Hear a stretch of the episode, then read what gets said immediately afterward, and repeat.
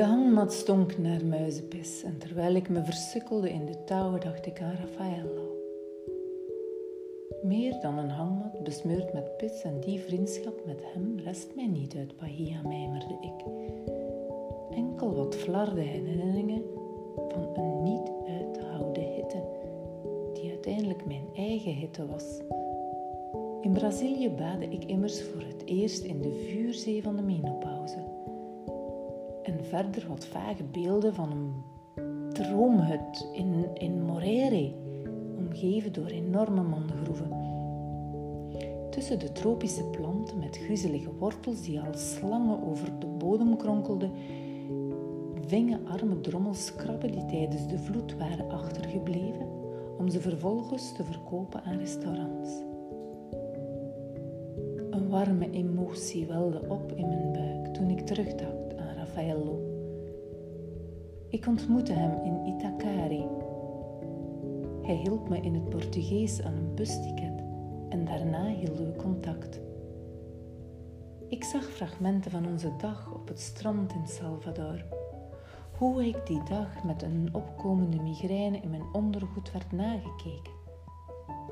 De ijdele meisjes verdroegen het niet dat ik niet net als hen in schitterende bikinis op het strand lag. Vage herinneringen ook aan onbevolkte witte stranden waar ik in de schaduw van palmen huilde bij het lezen van de vriendschap uit de essais van Montaigne en aan het gewicht van dat loodzware boek dat ik tijdens die reis overal meezeulde. Maar verder, waar zijn alle herinneringen aan die hele reis? Die lange winter van 2017 heen, verdorie. Ze leken uit mijn geheugen gewist, opgevreten, net als de eindjes touw van de hangmat. En het was niet eens zo lang geleden. In de gestoorde geest schrijft professor Erik Kandel dat het beleven van een ervaring zo is afgesteld dat we een bepaald aspect van de buitenwereld interpreteren nadat we het hebben gedetecteerd. Zo koppelen sensaties en relevante emoties en herinneringen aan vroegere gebeurtenissen. Op die manier construeren we de buitenwereld. Met een soort doorgeefsysteem verhuist de innerlijke representatie via het korte naar het lange termijnsgeheugen. Liep er tijdens die reis of in het algemeen iets mis met mij, met mijn zintuigelijke ervaringen of met het doorgeefluik van mijn korte naar mijn lange termijngeheugen? Detecteren en interpreteren mijn hersenen misschien even willekeurig, zoals muizen aan het ene touwtje wel en aan het andere niet schransten? En aangezien wij een gebeurtenis interpreteren, betekent dit dan dat alles een interpretatie van een interpretatie is? Dat we met een bouwdoos aan de slag gaan en constructies opzetten van subjectieve interpretaties? Conditioneren we onszelf zo? Of interpreteer ik het nu verkeerd? Puzzelen we de geïnterpreteerde waarnemingen als een collage samen in ons brein tot een verhaal om het vervolgens in ons geheugen als herinnering te bewaren? Nu ja, bewaren. Ergens las ik veel souvenirs verloren geraken ten gevolge van een hersenstoornis, een ziekte, een trauma, een tekort aan vitamine B12 of B1, een tekort of probleem in het huishouden van calcium, een stoornis van de schildklier, de ziekte van Lyme, syfilis, depressie en zelfs door chronische migraine. Lukraak verdwijnen er dossiers uit ons geheugenkast. Maar sowieso krimpen onze opgeslagen ervaringen met verloop van tijd en worden onze grootste gebeurtenissen, vergeet mij nietjes, kleine platgelopen violette spatjes in het gras. Vaarwel, aangevreten geschiedenis. Vaarwel, Bahia.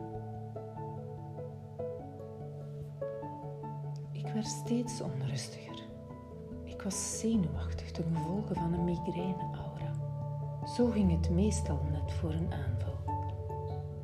Ik verhing de hangmat naar een andere boom, Geërgerd legde ik het touw om een stevige stam en trok vervolgens de lus door al de resterende touwen. Ondertussen dacht ik na over hoe wij onze innerlijke wereld vormgeven. Ontstonden onze constructies werkelijk uit een detectie, een interpretatie, uit restanten? Een grote collage van snippers zou dus de basis van mijn gedachten zijn van wie ik ben. Ik ben een puzzel, een samenstelling van toevallige stukken, een beeld met gaten, interpretatie op interpretatie.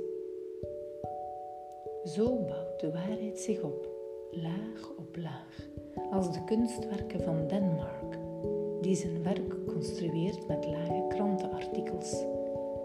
Het worden vage en verre concepten en onleesbaar geworden teksten. Hoe belachelijk is het niet? Hoe ridicuul om belang te hechten aan dat geestige kansspel van lukrake invullingen. Niet eens verlegen om een verloren detail met veel fantasie weer aan een verhaal te breien. Hoe kunnen we zeker zijn van als onze hersenen, ons brein, van analyse naar analyse en interpretatie op interpretatie construeert? Hoe zuiver is waarheid dan nog?